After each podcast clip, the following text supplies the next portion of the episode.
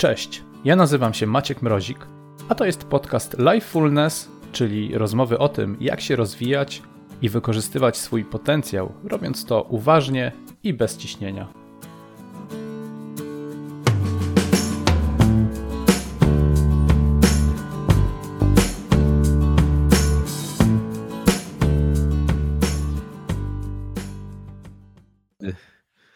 Zapuszczę, zapuszczam nagrywanie i tam ten początek i tak e, będę wycinał.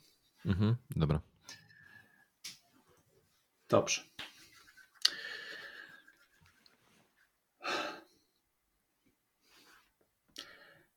Dzisiejszym gościem będzie Dawid. Jest Dawid, badacz i trener charyzmy, e, prowadzący gospodarz podcastu charyzmatycznego. I dzisiaj właśnie o charyzmie będziemy rozmawiać. Dawid jest też, mm, właśnie nie wiem na ile jest aktualna ta informacja, że e, pracujesz w dużej firmie, zarządzasz zespołami, motywujesz, szkolisz, bo ostatnio, niedawno wiem, że nastąpiły takie zmiany, otworzyłeś gabinet e, mhm. psychologiczny i nie wiem, czy to są światy obydwa, w których równolegle funkcjonujesz, czy teraz już jest tylko... E, to, Wiesz co, to, to cze, e, cześć, e, witam wszystkich serdecznie. E, w ogóle dziękuję bardzo za, za, za, zaproszenie, bo możliwość porozmawiania o charyzmie to zawsze jest coś, co sprawia mi przyjemność. Wiesz co, nie, ja już nie pracuję w, w korporacji, teraz jakby pracuję z jednej strony jako menedżer w firmie szkoleniowej, a z drugiej strony właśnie działam jako, jako psycholog, gdzie we własnym gabinecie, gdzie też poniekąd wypracowujemy takie charyzmę w ludziach, tylko tutaj już działamy na takich głębszych e, poziomach, czyli właśnie praca nad pewnością siebie. Mhm. To y, oczywiście zaraz będziemy przechodzić do tematu samej charyzmy, ale tak jeszcze y, a propos samego gabinetu, to chyba dobre czasy na, e, na otwieranie i na, na pracę z ludźmi. Ludzie chyba tego potrzebują teraz. Tak, zdecydowanie. I ja też byłem zaskoczony jakby taką takim odzewem w momencie, kiedy ja jakby ogłosiłem, że otwieram tę działalność. E, co prawda mam wrażenie, że, że po prostu, e, bo my to teraz nagrywamy, jesteśmy teraz, e, jest kwiecień, końcówka kwietnia, mhm. także jeszcze jesteśmy w pierwszym roku pandemii, więc mam wrażenie, że pandemia po prostu była takim paliwem rakietowym do problemów, które były w ludziach. Że teraz przez to, że oni musieli siedzieć w domu, że to są bardzo ciężkie czasy, jakby dużo, dużo jest obaw, dużo lęku, e, jesteśmy ciągle zamknięci i no niektórzy prak praktycznie pracują cały czas z domu, a jeszcze część osób ma, ma, ma dzieci na głowie.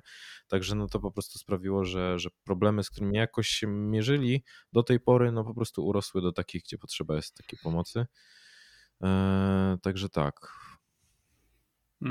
To też e, zawsze się zastanawiałem, jak ten rynek w ogóle wygląda w Polsce. Mm.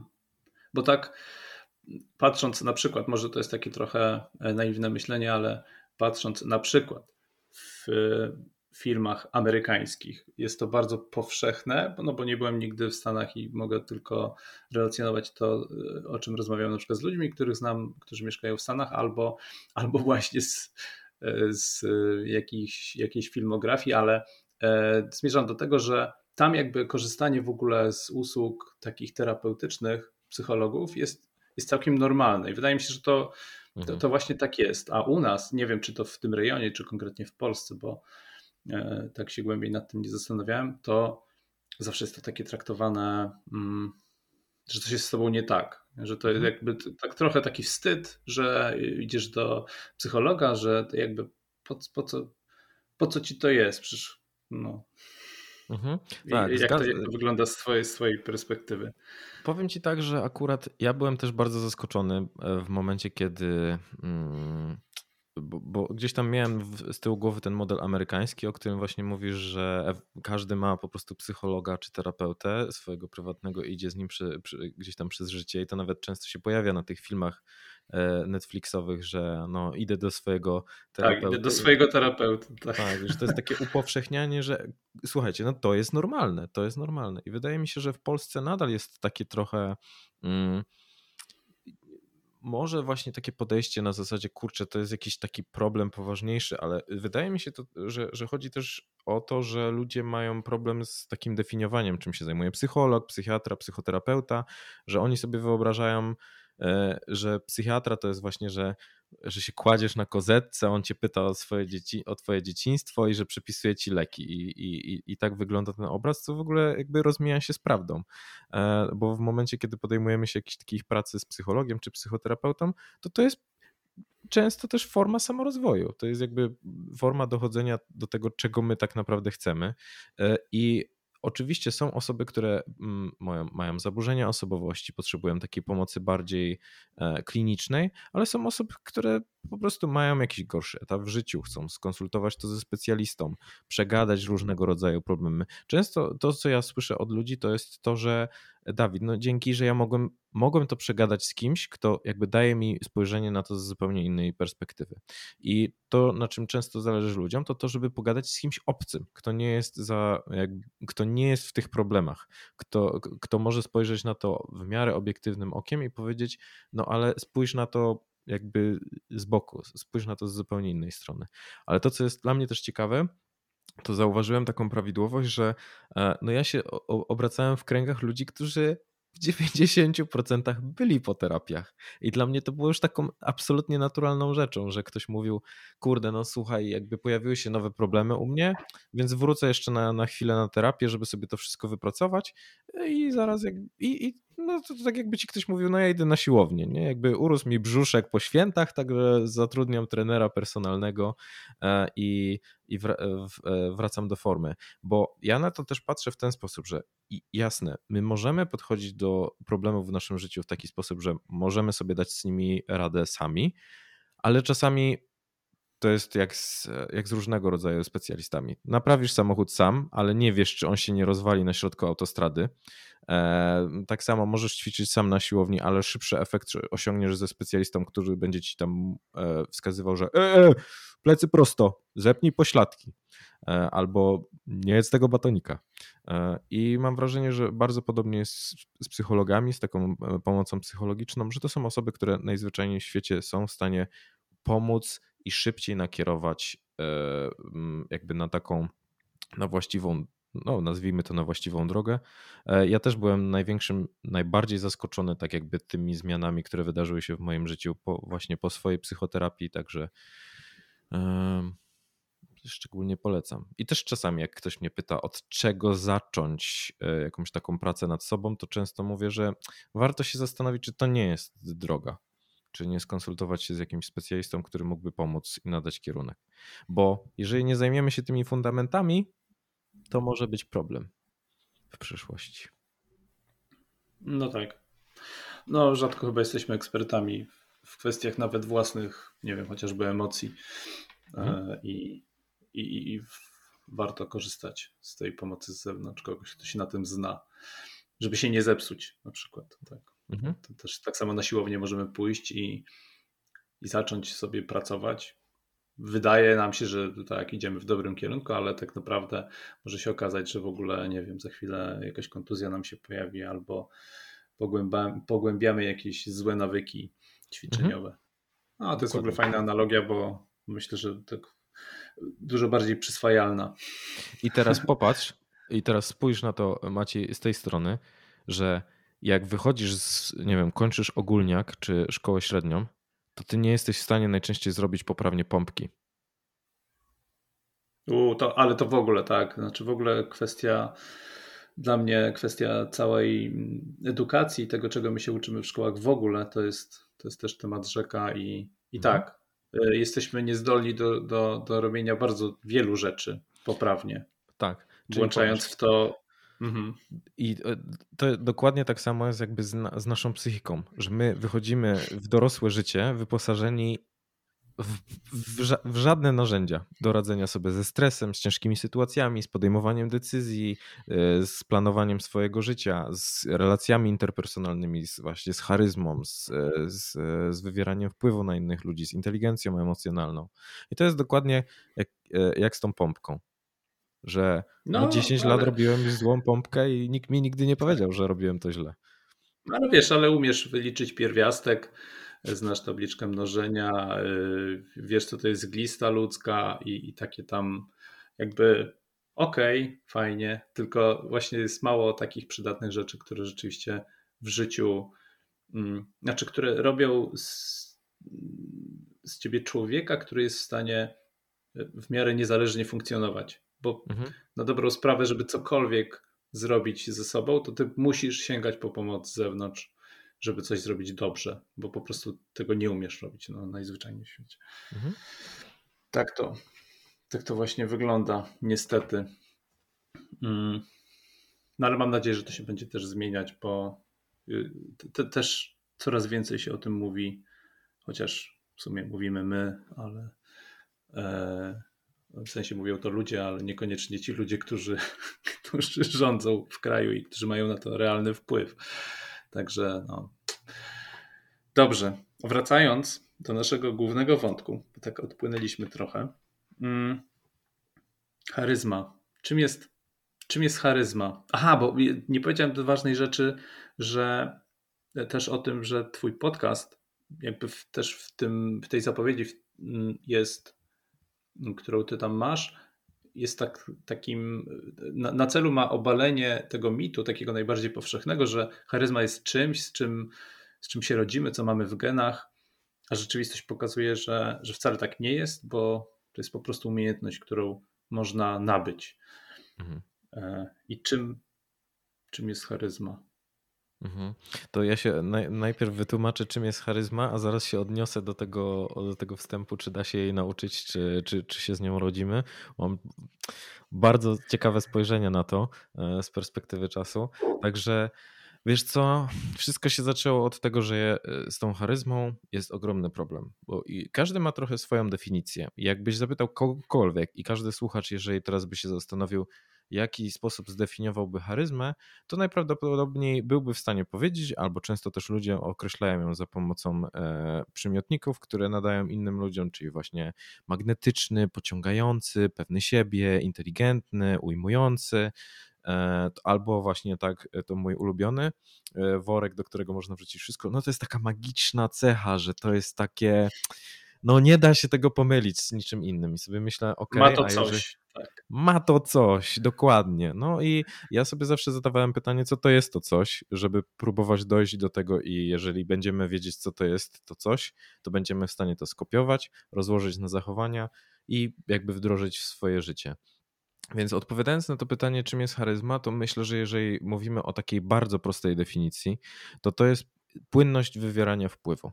To znaczy, że zależnie od sytuacji, zależnie od tego, jacy my jesteśmy, e, od naszego charakteru, temperamentu, od osobowości, od stylu myślenia, e, wykorzystujemy to, co jest jakby tam najbardziej przychylne dla nas, i z drugiej strony, jeżeli jesteśmy w różnych sytuacjach, no bo e, też jakby wróćmy do tego charakteru. Wyobraź sobie, że ktoś jest osobą raczej wycofaną, introwertyczną, to zmuszanie jej do tego, żeby, żeby była takim zwierzęciem imprezowym po prostu nie wyjdzie. Albo można to robić na takiej zasadzie, że nie wiem, poić ją alkoholem i, e, i z, z Red Bullem i zobaczyć, jakie są efekty, które potrwają przez 3 godziny, a potem jakby ona będzie dochodziła dwa dni do siebie.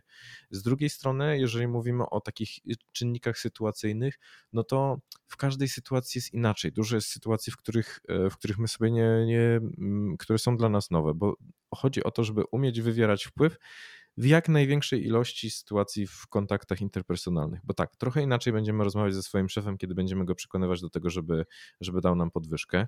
Trochę inaczej będziemy rozmawiać o, o, o tym samym aspekcie, kim są pieniądze, w momencie, kiedy będziemy się kłócić na bazarze w Maroku o tym, że to mm -hmm. powinny być dwa dolary, chociaż nie wiem, jaką tam się walutą posługujemy. E, trochę inaczej będziemy, będziemy przekonywać osobę właśnie w gabinecie psychologicznym do tego, żeby, żeby się otworzyła, budować wiarygodność, relacje i, i takie bezpieczne bezpieczną przestrzeń. Trochę inaczej ty w momencie, kiedy prowadzisz ze mną e, ten, tą rozmowę, wywierasz na mnie wpływ i chodzi o to, żeby umieć się zachować w jak największej ilości sytuacji. E, I Ja też e, im, im dłużej się zastanawiam, im dłużej badam charyzmę, im dłużej gdzieś tam ją oglądam z różnych stron, tym bardziej dochodzę do tego, że, że podział Oliwii Fox-Caban jest jak najbardziej e, sensowny i ona podzieliła charyzmę w swojej książce na, na cztery style, ale ja się całkowicie zgadzam z trzema, czyli charyzma autorytetu, autorytetu, wizjonerska i relacji. No i już tłumaczę po kolei. Autorytetu, no to wyobraźmy sobie takiego człowieka, który... Mm, ja często podaję przykład na szkoleniach, przykład Sandry. Sandry, która pracuje jako menedżerka e, w korporacjach. -hmm. I jest tą osobą, która jak wchodzi do biura, to rozmowy cichną i przyspiesza klepanie e, w klawiaturę przez wszystkich pracowników. Bo w momencie, kiedy jak, e, ona jakby oczywiście podaje taki przerysowany przykład, że w momencie, kiedy Sandra podejmuje decyzję i wydaje polecenia, to nikt jej nie podważa. A ci, co próbowali, to już tam gdzieś pracują gdzie indziej, przynajmniej na innym piętrze. E, I to są osoby y, z charyzmą autorytetu, które mają mocną decyzyjność, e, jakby pełne zaufanie ludzi, którzy, którzy wykonują ich polecenia, czy właśnie są gdzieś tam w ich pobliżu. E, to są też ludzie, którzy często mają bardzo dużą wiedzę albo specyficzne umiejętności, którzy są trochę z takiej pozycji siły dzięki temu, bo wyobraź sobie, że wiem, jesteś w sytuacji, gdzie e, tylko ty znasz język angielski, więc w, e, a, a, on jest niezbędny do wykonania jakiegoś zadania, czy na przykład jesteś na wycieczce i musisz się dogadać, a, e, no to wtedy ty jesteś jakby tą osobą, która jest w pełni decydująca. E, to są też osoby, które, które wywierają taki mocny wpływ wpływ i, im, i one się charakteryzują taką dużą pewnością siebie, ale też czasami myślę, że ta pewność siebie ich gubi z tego względu, że oni często pokazują, że ich, że traktują ich opinie jako fakty. Tak bym to nazwał. Że, że, że to, to już tak pokazuje trochę tą ciemną stronę charyzmy autorytetu. No ale przejdźmy do wizjonerskiej. Wizjonerska to jest na przykład Adam, który, który jest podróżnikiem, który potrafi w taki sposób opowiadać o, o, podróżach, że nawet osoby, które się nigdy nad tym nie zastanawiały, myślą sobie, kurczę, to jest, to jest w sumie coś, coś dla mnie, coś ciekawego. E, I mm, najczęściej takie osoby działają mocno na naszą emocjonalność, na to, że wpływają na nasze wyobrażenia tego, jak mogłoby być, jak chcielibyśmy, żeby było. I one używają na przykład takich określeń. I teraz, teraz Maci, wyobraź sobie, że stajesz na tej tajlandzkiej plaży między twoimi palcami u nóg e, jest piasek, ty czujesz bryzę na swoich policzkach, czujesz to słońce, które jakby lekko muska twoją twarz i wiesz, że zaraz wsiądziesz na swojego, na swój skuter i będziesz mógł jechać po prostu na brzeżem i podziwiać te wszystkie piękne widoki. I myślisz sobie, jakby nigdy nie myślałem o tym, żeby tam pojechać, ale teraz? Mhm. E, I to są osoby, które mocno właśnie oddziaływują na, na, na emocjonalność, na to, że, że mm, jakby uruchamiają nas pewne mechanizmy związane z tym, że my sobie zaczynamy wyobrażać, jak mogłoby być. One wyznaczają też często takie cele, e, pokazują taki kierunek działań. No ale oczywiście e, w związku z tym, że, że potrafią sobie budować takie bardzo oddanych, oddane osoby, no to też często, mm, często też wiąże się to z dużą ilością wrogów u nich. I, mm, i też mają. Czyli, czyli to taki taka osoba, którą można kochać albo nienawidzić, tak? Mhm. Czy to. Myślę, że Sandrę też można nienawidzić. E, w sumie każdą z tych osób, o których będziemy mówić, chociaż myślę, że Sandry to bardzo często jest nienawidzona e, e, postać. Tak, ona, ona jest nienawidzona, ale może być szanowana. Nie? Tak jakby tak. Wzbudzać taki szacunek. Mhm. Tak. To, to, to jest takie często określenie, które ja słyszę, że no jakby jest. No dużo jej można zarzucić, ale w sumie dowozi. Albo, albo jest skuteczna, albo realizuje coś. Także no często to są takie osoby, które zostawiają za sobą spaloną ziemię i w momencie, kiedy e, jakby no, potrafią dużo, dużo szkód, szkód wyrządzić. No i wiesz co, wracając jeszcze do tych wizjonerów, czy można ich kochać czy nienawidzić, wydaje mi się, że ka każdy z tych styli w takiej bardzo zmaksymalizowanej formie jest takim, że albo się kocha, albo nienawidzi. I o tym też mhm. będziemy, będę chciał z Tobą porozmawiać, że, że to, do czego my dążymy i do czego ja zachęcam, to to, żeby korzystać z tego właśnie sytuacyjnie. Że czasami jest potrzebna Sandra. Czasami, e, czyli wyobraźmy sobie, że wybucha pożar. No to nie jest czas na tak. demokrację. Ktoś, ktoś musi przejąć kontrolę, tak. Mhm. Powiedzieć dokładnie, robimy to, wychodzimy tymi drzwiami, proszę się wszyscy ewakuujemy w tym momencie, albo bez proszę, bo to są momenty, w których, w których trzeba działać jak najszybciej i nie ma jakby nawet takiej możliwości, żeby zostawiać ludziom e, chwilę do, do, do namysłu. E, no i mamy też trzeci styl, to jest e, charyzma relacji, czyli taka osoba, podaję przykład Ryśka, który pracuje w kawiarni, chociaż od roku już teraz nie ma pracy, który w momencie, kiedy mm, kiedy przychodzą do niego klienci, no to on najczęściej przede wszystkim pamięta, co kto pije, co kto lubi, ile cukru, ile mleka, jaki rodzaj kawy. Pamięta też takie szczegóły z życia, że ktoś miał ostatnio cięższy okres, może był chory, może. Mm, e, może pies mu zachorował, no i on jakby pamięta te wszystkie szczegóły i jakby odnosi się do tego i dzięki temu buduje taką przestrzeń dla, e, do rozmowy, do tego, żeby ktoś, ktoś jakby chciał do niego wracać. I to jest też charakterystyczne, że ci ludzie jakby mają takich, że ja do Ryśka, to jakby ja jestem w stanie poczekać trochę dłużej w tej kolejce, ale chcę porozmawiać przy, nawet przez chwilę z tym człowiekiem. I oni też mają taką magiczną zdolność do stwarzania takiej atmosfery, że ludzie mówią często, kurczę, jakby ja się czuję wysłuchany. W sensie, że, że ktoś rzeczywiście stworzył mi przestrzeń, bo mnie akceptuje, bo jakby nie podważa tego, co mówię. Nie, słyszę, że, że on chce wysłuchać, co mam do powiedzenia, a nie, że będzie jakby narzucał mi, mi swoje zdanie.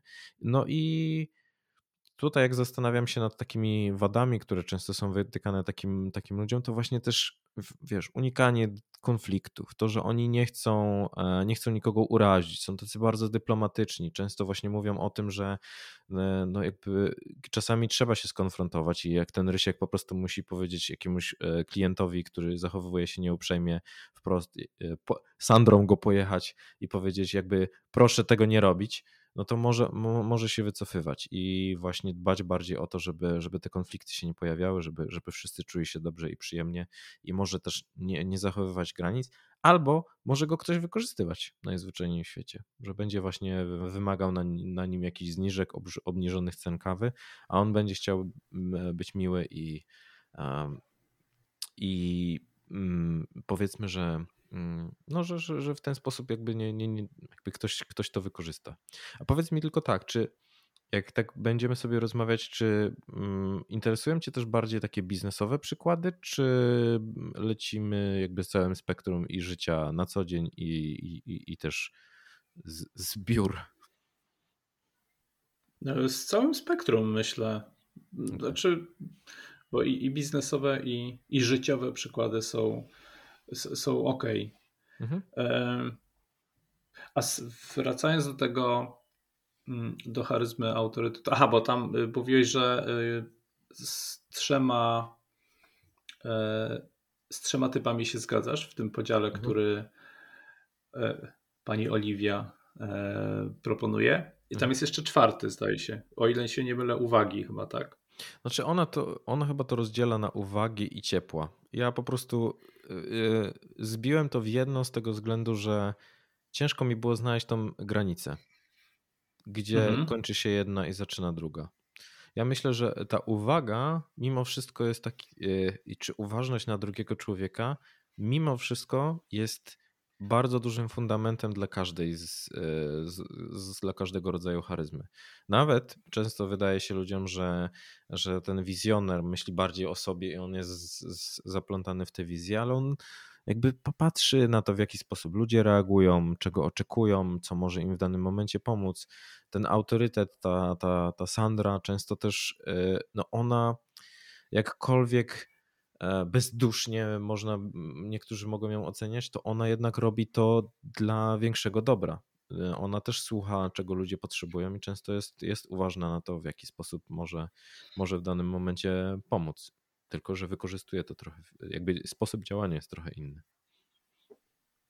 Czy w ogóle istnieją jeszcze jakieś inne podejścia, y, takie klasyfikacje typów, no bo czy, czy, czy charyzma nie jest w ogóle takim tematem, który jest tak mocno zbadany, omawiany e, mhm. i, i, jak to Wiesz jest? Co, istnieją, ale najczęściej to jest taki tautologizm, takie że to jest magiczna, mo jakby ciężko, nawet w badaniach naukowych często jakby, wiesz, uśmiecham się pod nosem, kiedy coś czytam, bo e, jakby bardziej mówi się o efektach, aniżeli o przyczynach charyzmy, czyli właśnie, że ktoś ma mhm. biegłość w wywieraniu wpływu na ludzi.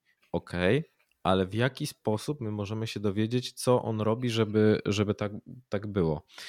E, rzadko się spotykam z jakimiś takimi odpowiednimi klasyfikacjami, zwłaszcza, że pan e, Weber, który jest, e, który gdzieś na przestrzeni lat 70. jakby za, za, zaczął tą, jakby wprowadził charyzmę na, na rynek, zaczął mówić o tym, że to jest jakby właśnie magiczna zdolność, magiczna cecha i, i dużo osób, mam wrażenie, jakby powołuje się na jego słowa, bo jakby oto jest najłatwiej znaleźć w internetach w momencie, kiedy się po prostu wpisuje mhm. charyzmę mm -hmm. i często pojawia się właśnie odniesienie do tej webrowskiego podejścia do charyzmy, które jest absolutnie po prostu błędne. No i też ciekawe jest to, że charyzma ma jakby też takie korzenie chrześcijańskie, religijne, bo e, charyzma z greki oznacza dar Boży. W sensie dar w domyśle, w domyśle Boży, więc też łączona jest bardzo często z tym, że no jest to coś, co my otrzymujemy od Boga. E, więc z założenia no nie, jakby nie możemy się tego uczyć, czy to jest coś po prostu z czym my się rodzimy. Albo e, przynajmniej pozbawieni jesteśmy tutaj sprawczości w, tym, e, w tej kwestii. Mm, no właśnie, to, to tak. To jest to powszechne przekonanie, że to jest taka, taka cecha po prostu, mhm. a nie umiejętność.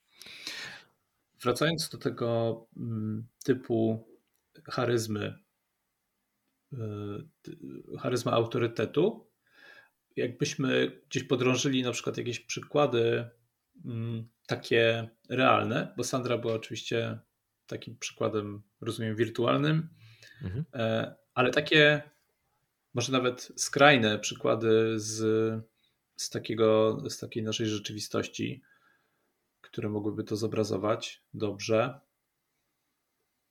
Co by ci przychodziło do głowy? Ja mam Wiesz taki co? jeden przykład, ale. O, chyba może wiem, zaraz. Chyba wiem. Jak.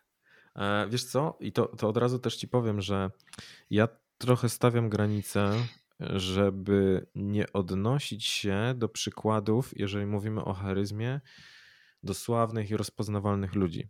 Dlaczego? Bo wiesz, jakby zawsze jak pojawia się charyzma, to jest tak. Winston Churchill, Steve Jobs, Adolf Hitler, e, Stalin e, Dokładnie, i tak. cała taka wiązanka. Ja sobie myślę, dobra, ale e, jakby mało osób miało bezpośredni kontakt z tymi ludźmi.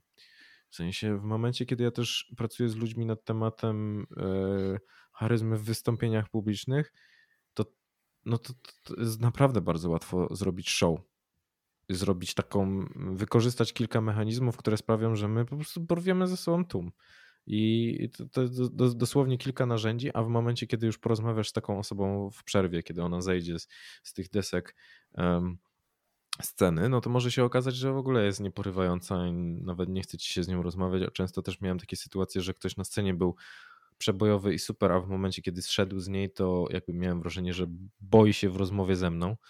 Więc stawiam tutaj taką granicę, żeby mm, trochę uczłowieczyć tą charyzmę i żeby ludzie właśnie, często pytam na, na szkoleniach, słuchajcie, to, to wy się zastanówcie, jakich wy ludzi macie w pracy, w swoich rodzinach, wśród swoich znajomych, którzy są w stanie powiedzieć jedno słowo, mimo tego, że trwa na przykład jakaś dyskusja półgodzinna, gdzie robimy zakupy albo e, jak będziemy rozsadzać zespoły w, w nowym biurze, i ona mówi, no i on jakby zamyka dyskusję, bo e, wszyscy mówią, no dobra, nie, Kamil ma rację.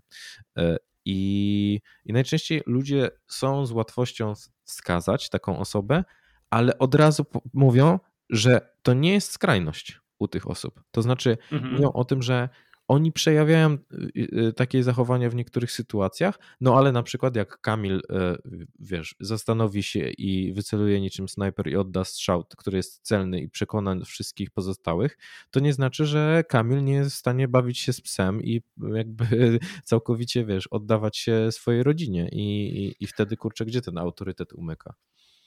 Nie, nie, absolutnie. To znaczy, jeśli rzeczywiście mówimy o tym, że charyzma jest umiejętnością, no to znaczy, że ją włączamy, wyłączamy. Znaczy, że możemy z niej korzystać albo możemy po prostu nie korzystać, ale czyli tak naprawdę, nie wiem, aktorzy potrafią zagrać charyzmę, tak? Jak rozumiem. Jakby tak. Dowolną pewnie. I to jest ciekawe, że o tym wspomniałeś, bo jak e, robiłem badanie pytając, kogo osoby wskazują, jak, wskazałyby jako osobę charyzmatyczną, to może tam raz pojawiło się mój wujek, ale największa część osób, które były wskazywane, to, były, to byli aktorzy i aktorki.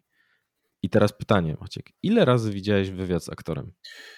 Nie, no, no ja tak, znaczy to domyślam się, do czego zmierzasz, że to jakby ta opinia bazuje na e, rolach widzianych, tak, na tych, na tych odgrywanych mhm. typu, że... nie wiem, jeżeli ktoś tak zagrał e, rolę Steve'a Jobsa, to mhm.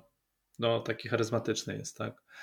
Tak, że ludzie mylą właśnie rolę, czyli ja, ja myślę sobie, że Neo jest charyzmatyczny, ale utożsamiam go z Keanu Reevesem.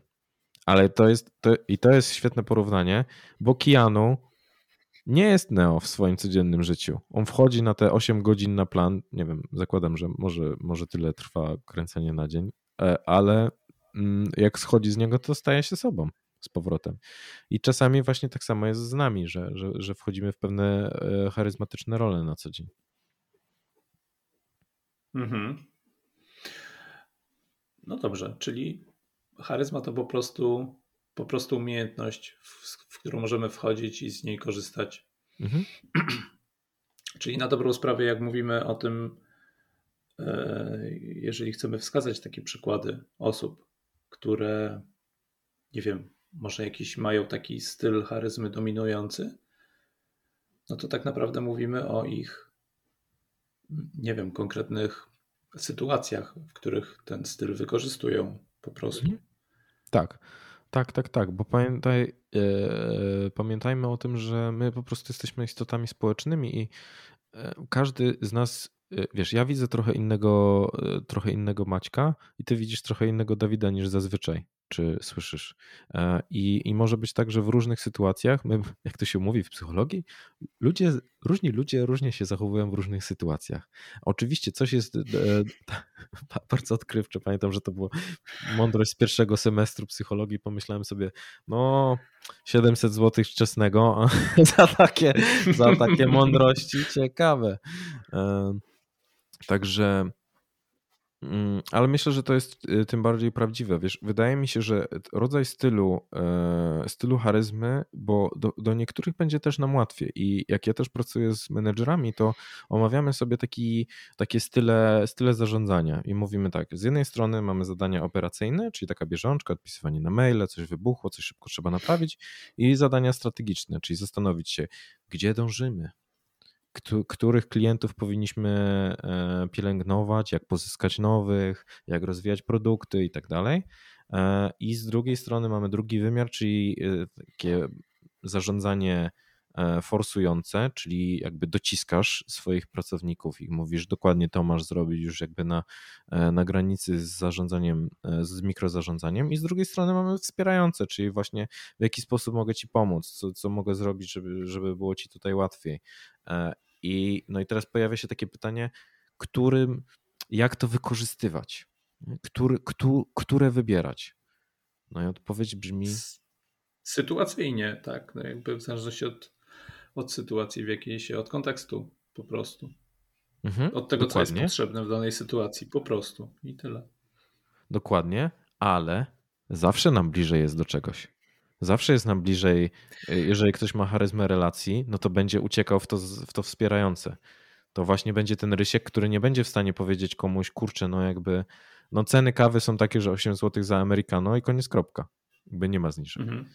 Znaczy on może będzie w stanie, tylko będzie to dla niego dużo trudniejsze, tak, żeby bo to mhm. będzie jakieś tam, mm, on będzie musiał coś przełamać pewnie w sobie. E, jakby jest, jest to dla niego dużo trudniejsze. Dla niego bardziej naturalne będzie, czy, czy to, co jakoś mu przychodzi z łatwością, to jest właśnie to relacyjne, tak, tak to mhm. rozumiem. Tak, dokładnie. Wiesz co, wydaje mi się też, że mocno to jest, znaczy wydaje mi się, no jakby jestem przekonany, że to też jest mocno związane ze stylem myślenia, czyli z taką perspektywą poznawczą, z którą my się rodzimy. Y, I ona jest potencjalnie niezmienna na przestrzeni życia. I, no i ona też jakby jest ładnie scharakteryzowana i pod, e, pod, przypisuje się do, do jednego z tych trzech stylów e, charyzmy. Także no teraz drodzy słuchacze, e, zastanówcie się po prostu i myślę, że jesteście w stanie pod, odpowiedzieć, do którego stylu wam jest najbliżej, który wydaje wam się taki najbardziej naturalny. E, I najczęściej jest tak, że w momencie, kiedy e, kiedy ludzie już są w stanie określić, ok, no jakby jestem najbardziej pod tym względem autorytetu wizjonerskim, albo wizjonerskim, albo relacji, wybierają jeden z nich, no to zastanawiamy się, w jaki sposób, czy on jest dojrzały, czy niedojrzały na zasadzie, czy jesteś autorytetem takim, który właśnie ludzie skaczą z okien, jak wchodzisz do pokoju, czy na takiej zasadzie, że w momencie, kiedy ty mówisz, to oni słuchają i jakby mówią, dobra, to zapytajmy Maćka, bo on zawsze jest w stanie nam doradzić. E, I z drugiej strony zastanowić się, czy, czy, czy, te pozostałe style nie powinny gdzieś tam się pojawiać, czy to nie, nie powinniśmy tak, nad tym się zastanowić, pochylić yy, i, i wypracować tego w sobie, żeby no, działać tak, yy, nazwałbym to holistycznie, żeby, żeby na, na, na różnych frontach, bo no, my uciekamy w to, co jest nam bliskie, najłatwiejsze, wygodne i no często, mm, często przez to jakby nie pozwalamy na to, żeby żeby ludzie też zobaczyli naszą, naszą inną twarz. To tak, to bardzo ciekawe, ale to tak jak mówisz o tych takich naszych naturalnych, no, może źle powiedziałem, ale tych takich naj, najłatwiej przychodzących nam sposobach.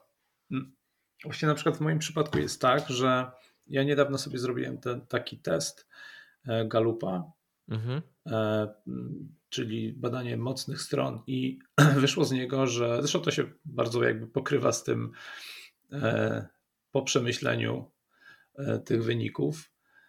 Bardzo mi się to pokrywa z tym, jak, jak rzeczywiście funkcjonuje i jak mi się najlepiej pracuje na przykład.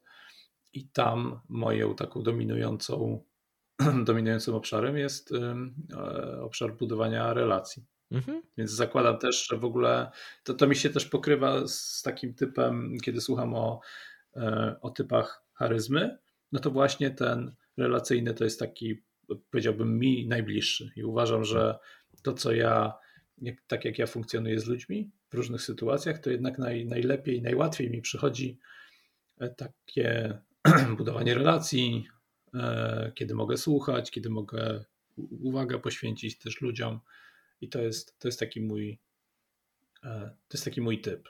No, mhm. I to się jakoś tak bardzo pokrywa. Więc podejrzewam, że to też bardzo, na bardzo wiele pytań odpowiada e, swoją drogą taki, e, taki test, też w kontekście właśnie samej charyzmy. Mhm.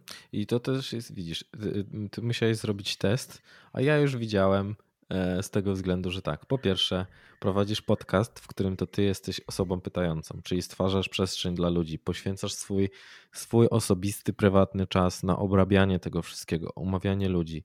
Pamiętałeś o tym, że otworzyłem gabinet, od, wiesz, w momencie, kiedy dopadł mnie COVID, to powiedziałeś, dobra, dojdź do siebie i e, daj znać, jak, jak po prostu będzie ok. Chciałeś się dzwonić najpierw, zanim, zanim po prostu przejdziemy do rozmowy, żeby zobaczyć, wiesz, jaka jest dynamika, zbudować relacje. No i pewnie będziemy się do czasu do czasu od odzywać do siebie, mówiąc, ej, co tam słychać? jak to podcaster z podcasterem, e, a, a często jest tak, że ludzie, i, i, wiesz, i to są takie behawioralne oznaki tego, że ja już, ja już gdzieś tam za, zaczynam dostrzegać, w jaki sposób ktoś może postępować. I myślę, że to jest bardzo silna strona. I to trzeba właśnie wykorzystywać, jakby budować na tym, bo często my też mam wrażenie, że jak ktoś mówi, no ale Dawid, jakby, no to jest taka frajerska ta charyzma relacji. Mówię, słucham? Jakbyś zapytał Sandry, e, która, e, która po prostu, e, bo jasne, że my jesteśmy przyzwyczajeni do tego, że osoby, które wygrywają życie, to są te, które są bogate, decyzyjne, które są asertywne, pewne siebie i to tak szalenie, że nieważne co im powiesz, to oni zawsze wiedzą lepiej i zawsze, zawsze potrafią wybrnąć z sytuacji, a potem się okazuje, że jak Sandra rodziła dziecko, to nikt nie przyjechał do niej do szpitala e, z życzeniami, bo nie ma pośrodku i czuje się samotna za każdym razem, kiedy wraca do, do swojej willi. Ja oczywiście tutaj idę takimi mocnymi schematami e, i Takimi skrajnościami. Mhm. Skrajnościami, ale chcę po prostu pokazać, że często, że im bardziej idziemy w skrajność, tym ona, tym ona ma po prostu drugie, drugie dno. I yy, i, i, I to, do czego do, co pokazuje właśnie i, i, i, staram się gdzieś tam jakby przekazywać ludziom, to żeby, żeby oni wiedzieli, im, o, im więcej wiemy o sobie, tym lepiej. Czyli właśnie tak jak robisz test, y, test Galupa, dowiadujesz się kolejnej rzeczy, bo, bo jednak co, no podświadomie to wszystko wiedziałeś, jak obserwowałeś swoje życie, ale w momencie, kiedy ktoś ci to napisał czarno na białym, to też jest zupełnie inaczej, kiedy, e, kiedy się na to spojrzy. Mm, dokładnie, to tak. Tak, tak. Nie, no w ogóle warto poświęcać czas na mm, badanie, na zdobywanie wiedzy o samym sobie. Zresztą mhm. to, co mówiliśmy na samym początku, no po to też ludzie chodzą na terapię, czy może po prostu do terapeuty, żeby rozmawiać, żeby gdzieś tam drążyć to, co tam u nich w środku jest. No bo jakby żyjemy ze sobą przez całe życie, więc mhm. warto wiedzieć o sobie jak najwięcej. Mhm. E, ale co ciekawe, ludzie czasami po prostu tak mało wiedzą o sobie, że to jest aż zadziwiające. Nie? Mhm. Mm. I wiesz, często jest też tak, że jak pracuję z e, menedżerami na przykład, bo jeżeli, jeżeli mówimy o takiej pracy indywidualnej z charyzmy, to najczęściej są to menedżerowie albo tacy przedsiębiorcy, takie jednoosobowe armie, które muszą sobie radzić ze wszystkim to wcześniej czy później i tak schodzimy do tych, e, to znaczy tak, oni przychodzą, chcą się, przychodzimy, chcemy się nauczyć umiejętności. W jaki sposób tworzyć komunikat, żeby on był e, żeby on był porywający dla, dla ludzi, jak, jakie taktyki mogą wykorzystywać, e, że, że, żeby przykuć uwagę, żeby ją utrzymać, co zrobić, co zrobić, żeby, o to co się często pojawia, co zrobić, żeby zespół mnie słuchał, żeby chciał za mną, za moimi decyzjami iść. I Potem i tak koniec końców schodzimy do takich e, y, kwestii związanych, które dotyczących pewności siebie, znajomości siebie. Do tego, że w momencie, kiedy, e, kiedy te osoby zaczynają sobie zdawać sprawę, ok, ale no dobra, to co cię blokuje przed tym, żebyś powiedział to, to zespołowi, żebyś to przedstawił zarządowi? No, bo wtedy w mojej głowie pojawiają się takie głosy, i tutaj na przykład pojawia się e, znany, znana kwestia związana z, takim wewnętrznym krytykiem, czyli tym szatanem, który zaczyna opowiadać nam do ucha w sytuacjach stresowych. Znaczy on tak na co dzień się odzywa, ale w sytuacjach stresowych to jakby dostaje megafon do ręki i zamiast szeptać nam do ucha, to krzyczy, że na przykład, że się nie uda, że jesteśmy beznadziejni, że że mm, no co co on tam mówi, że jesteś za młody, że nie masz certyfikatów wystarczających dużo, że co ty tam wiesz o życiu? I e, no i to on tam zaczyna nam podkopywać tą pewność siebie. I jeżeli e, w sumie mógłbym mieć takie życzenie, z czym chciałbym, żeby słuchacze wyszli, to to, że jeżeli pojawia się ten e, wewnętrzny krytyk u was i co będzie też takim, mam wrażenie, że najpotężniejszą pracą na, na fundamentach charyzmy, to jest to, żebyście się zastanowili, co on do was mówi, i kto to mówi? W sensie skąd się wzięło to przekonanie? Skąd się wzięło to przekonanie, że właśnie, że, że ci nic nie wyjdzie, że jesteś za młody, że nie masz odpowiedniej ilości certyfikatów? I tak sobie to najpierw, e, bo spójrzcie też na to, że wewnętrzny krytyk mówi na ty. To nie jest wasz głos. To jest głos kogoś albo wasze przekonanie, które sobie wzięliście od kogoś. On nie mówi ja, Dawid, tylko ty, Dawid. To jest pierwsza rzecz. Druga rzecz związana jest z tym, żebyście mm, zwrócili też szczególnie uwagę na to, w jaki sposób, czy, to, czy tak, i tutaj pojedziemy e, racjonalną terapią zachowań, czy to jest w ogóle prawda? Czy to jest opinia, czy fakt?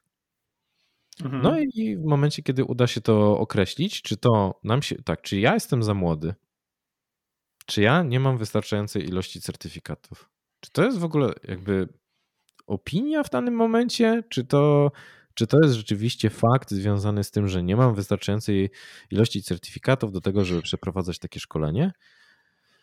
Czy ja sobie to wymyśliłem? I w momencie, kiedy e, już to sobie określimy, no to wtedy następuje e, etap racjonalizacji, czyli zastanawianie się, czy brak certyfikatów, który jest opinią, e, uniemożliwia mi funkcjonowanie. Czyli czy rzeczywiście ja nie mam prawa do tego, żeby, nie wiem, szko- bo tutaj mówię o, o jednym takim konkretnym przypadku, który gdzieś tam ostatnio e, wypłynął, czyli właśnie przeprowadzam szkolenie, ale czuję, że nie jestem odpowiednio wykwalifikowany do tego, bo nie mam odpowiedniej ilości certyfikatów.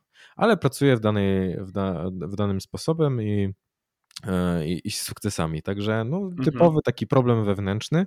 No i, i co? I to wpływa na to, że człowiek stając przed grupą osób, nagle ten wewnętrzny szatan się pojawia w środku i zaczyna, e, zaczyna mu podpowiadać takie rzeczy, co wpływa na jego pewność siebie. Pewność siebie się obniża, więc e, też zaczynam się mieszać, wahać, e, popełniać błędy, zastanawiać, czy.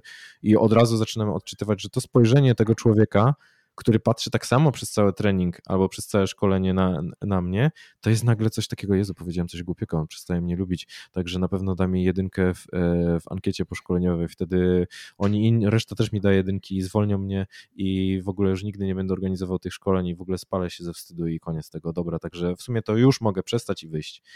I czasami tak się za, za nakręcałem w takiej spirali negatywności. Mm, i wróćmy do tego, te, tego racjonalizacji, do tej racjonalizacji, czyli w takim momencie po prostu określamy, kurczę, czy to jest prawda. No i możemy sobie powiedzieć o treningach, które przeprowadziliśmy do tej pory, o doświadczeniu zebranym, o zapytaniu nawet tych ludzi, z którymi mamy do czynienia, czy, czy wy myślicie, że to, to, to, co tutaj jakby się pojawia, to daje wam wartość, co wam, co wam to dało. I w momencie, kiedy przeprowadzimy sobie taki wewnętrzny, wewnętrzny dialog, który polecam robić nie w sytuacjach stresowych, tylko gdzieś e, wcześniej, e, e, bo a, a jakby w, kiedy się już to pojawi w sytuacji stresowej, to taki przyspieszony kurs do tego, żeby, żeby sobie dokładnie powiedzieć to samo, co, co ktoś nam mówi, bo spójrzcie też na to w ten sposób, że czasami my, my pozwalamy sobie na przykład przyjaciołom powiedzieć, no słuchaj, ja mam wrażenie, że ja nie dam rady i że ja nie zasługuję na to, żeby iść po ten awans. Albo że ja nie będę dobrym ojcem. I co wtedy mówi ten przyjaciel? Co ty, co, co ty pieprzysz? Jakby, to ja ci teraz wy, wy, mhm. wysunę całą listę rzeczy, które mówią, że to, co mówisz, to jest nieprawda. I dokładnie to samo my możemy sobie zrobić sami. Wewnętrznie. Tak, nie no, RTZ w ogóle jest fajnym takim narzędziem. To staje się taka seria pytań nawiązująca do faktów, to tak. E, dokładnie. W, w ogóle ja też miałem często taką tendencję do na przykład mówienia, że coś, że, że coś mi się udało zrobić, nie? I zawsze wtedy y, właśnie słyszałem od, od, od kogoś, z kim rozmawiałem, ale jak to udało się? To się nie udało, tylko ty to zrobiłeś. Nie? Mhm. to też w ogóle zupełnie takie inne formułowanie tego, jak jak mówisz nawet o swoich osiągnięciach, to też jest w ogóle e, bardzo dużo zmienia.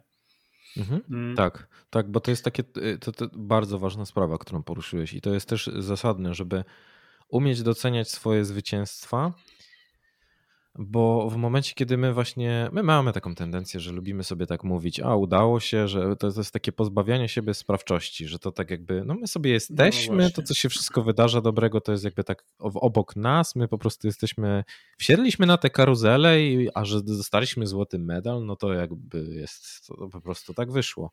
I w momencie, kiedy my jakby nie jesteśmy w stanie tak, bo, bo, też będę mówił bardzo dużo o tym wypracowywaniu pewności siebie, bo to jest jeden, jeden z najważniejszych aspektów właśnie w budowaniu charyzmy, że w momencie, kiedy to my nie jesteśmy w stanie tak jakby obiektywnie ocenić swojej wartości, to ludzie też tego, to, to, to ludzie będą to traktować, mogą to traktować jako poczucie słabości, no bo jeżeli ty przebiegasz maraton i mówisz, no nie no, ale uważasz, że to jakby, że to jest osiągnięcie, iż musisz znaleźć ten, ten poklask też w, w, świecie zewnętrznym, to może powodować, że ktoś sobie pomyśli, kurde, jaki ten koleś jest niepewny siebie, że on musi usłyszeć to od kogoś, a w momencie, kiedy powiemy, no przebiegłem ten maraton, może nie jest to tam pierwsze miejsce albo nawet setne, ale kurde, ile pracy mnie to kosztowało, żeby, żeby, żeby się do niego przygotować, no i żeby go przebiec. No.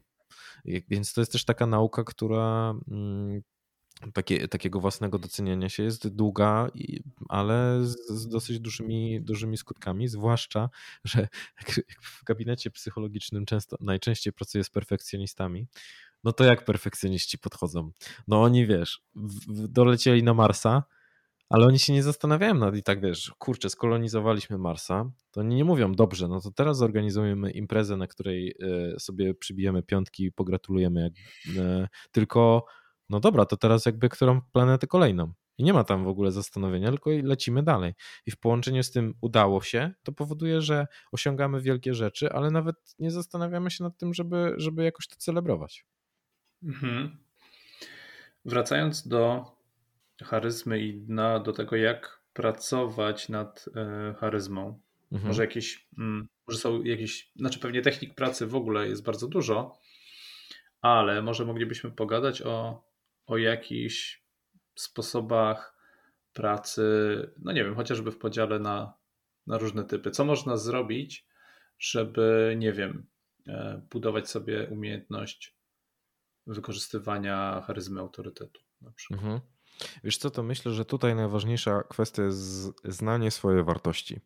Czyli właśnie wypracowanie tej pewności siebie, posiadanie umiejętności i to na takiej zasadzie, żeby mieć takie w głowie takie CV swoich osiągnięć e, i w momencie, kiedy, kiedy pojawia się jakiekolwiek zwątpienie, to żeby to wykorzystywać. To znaczy, żeby, żeby to, to o czym przed, przed chwilą rozmawialiśmy, czyli to udało się, zarządzanie tym wewnętrznym krytykiem. To są te, te bazowe rzeczy. Z drugiej strony, w momencie, kiedy, mm, kiedy mówimy o. o bo, bo tak sobie zastanawiam się, jeżeli mówimy o o takich narzędziach, które są najbardziej powszechne, o, to, to, to, to, muszę zrobić gwiazdkę, żebyśmy do tego wrócili, to że będziemy sobie mówić o, e, o, o tym, w jaki sposób e, wykorzystać charyzmatyczne taktyki. Dobra, to, to jeszcze do tego wrócimy. Ale w momencie, kiedy mówimy o charyzmie autorytetu, to często e, ja jak pracuję na warsztatach, to to, co najczęściej się pojawia, to to, że ludzie mają problem z tym, że ktoś jest marudą, albo ktoś im przerywa, albo ktoś ich nie słucha. E, I no bo w momencie, kiedy mm, to w jaki sposób pracować z takimi osobami. To jednym z, taką, e, z takich ciekawszych narzędzi, które poznałem dotyczące e, pracy z marudami, to, to jest dotyczące tego, żeby pytać o wyjątki to możemy teraz odegrać taką e, scenkę, że przychodzisz do mnie i mówisz, że coś się znowu nie udało. Nie wiem, czy przychodzi ci coś takiego do głowy. Tak jakbyś mia miał pomarudzić. Jak miałbym pomarudzić? Mhm. No dobrze. E, no Dawid, słuchaj, e, ostatnio prowadziłem taki warsztat i znowu mi się nie udał. Znowu ludzie, wydaje mi się, że byli niezadowoleni. Chyba mogłem zrobić to dużo lepiej. Mhm, mhm, Okej. Okay.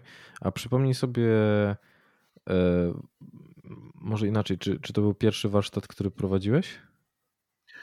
Nie, nie, nie, nie. To myślę, że to już jest taki, nie wiem, dziesiąty, jedenasty. Mhm, dobra. A z drugiej strony spójrzmy też na to, e, że, że mówisz, że, że są tam takie rzeczy, które mógłbyś zrobić lepiej. A które z rzeczy y, zrobiłeś dobrze? Które byś ocenił że, że jesteś usatysfakcjonowany z tego, jak one przebiegły? Mm, hmm. Myślę, że dobrze, mm, dobrze tłumaczyłem pewne, pewne tematy, które tam były. Przeprowadziłem kilka ćwiczeń, które wydaje mi się, że, że no, dały rezultat w postaci zrozumienia tematu e, przez uczestników.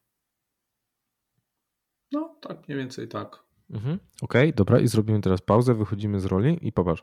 Ty przychodzisz do mnie z problemem, ja zaczynam budować rozwiązanie wzmacniające, czyli mówię ci, kurczę, a co wyszło? Bo mm, tak, tutaj już są dwie drogi. Co wyszło w tym, w tym treningu? Czyli schodzimy z gadania o problemie i z tym, że nie da się, nie, jakby mogłem zrobić lepiej, obwiniania się i dołowania. I z drugiej strony, w momencie, kiedy my zaczynamy rozmawiać o kwestii, e, o kwestii związanej z tym, I jeszcze jest jakby taka, taka osobna ścieżka związana z tym, że mógłbym się odnieść do wcześniejszych warsztatów, czyli co tam poszło mhm. dobrze, co ty na przykład na tym warsztacie oceniłeś jako negatywne. E, I kolejny krok, który byśmy zrobili, to to dobra, czyli jakby uważasz, że tam rzeczywiście coś nie poszło, czyli na bazie tego, co już wiesz, to co moglibyśmy zrobić, żeby, żeby cię przybliżyć do tego celu. I teraz tutaj dzięki temu ty już i patrz, ty sam wypracowujesz rozwiązania, sam siebie chwalisz, bo mówisz, kurczę, tutaj było dużo rzeczy dobrze. I w momencie, kiedy mówimy o takiej charyzmie też e, autorytetu, ale to jest w takiej dojrzałej wersji, bo tutaj jest też jakby pracowanie na, na, na, na twoich zasobach, na twoich e, relacjach, to myślę, że że to też buduje w ludziach takie przekonanie, że kurczę, jakby okej, okay, on jest w sensie, że no, to jest też takie pomocne w kontekście interpersonalnym. To to jest pierwsza rzecz, którą bym radził, czyli takie pracowanie na wyjątkach z, z momencie, kiedy ktoś nam e, w takiej relacji jeden na jeden. To, co jest najbardziej takim, to, co najbardziej skutecznie działa na ludzi w, w kontekście charyzmy autorytetu, to E, to, to tutaj zacytuję Darka Użyckiego, z którym rozmawiałem e, u siebie w podcaście o tym, o sekrecie długoterminowej charyzmy. W momencie, kiedy ja zapytałem go, e, to też taki kontekst, czym zajmuje się Darek. Darek jest headhunterem takich osób, które są na, na wysokich stanowiskach, czyli on jakby wyciąga prezesów z jednej firmy albo dyrektorów i, i, i, i szuka im pracy w innych. I to, co powiedział, że e, jest dla niego ujmujące, e, czy takie charyzmatyczne w kontakcie z takimi ludźmi, to jest właściwie jedno słowo. I to jest sukces, czyli ta skuteczność, dowożenie. Mhm.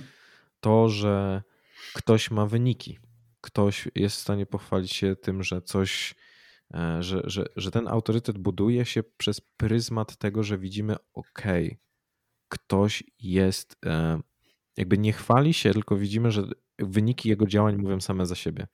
I tutaj zawsze przychodzi mi też kwestia e, do głowy z, z e, Bartkiem Czekałą, który mm, to jest człowiek, który zajmuje się technikami pamięciowymi i tym, w jaki sposób, w jaki sposób um, uczyć się i pracuje z ludźmi, którzy którzy są lekarzami, dietetykami, więc on pokazuje im, w jaki sposób ogarniać bardzo duże dawki wiedzy.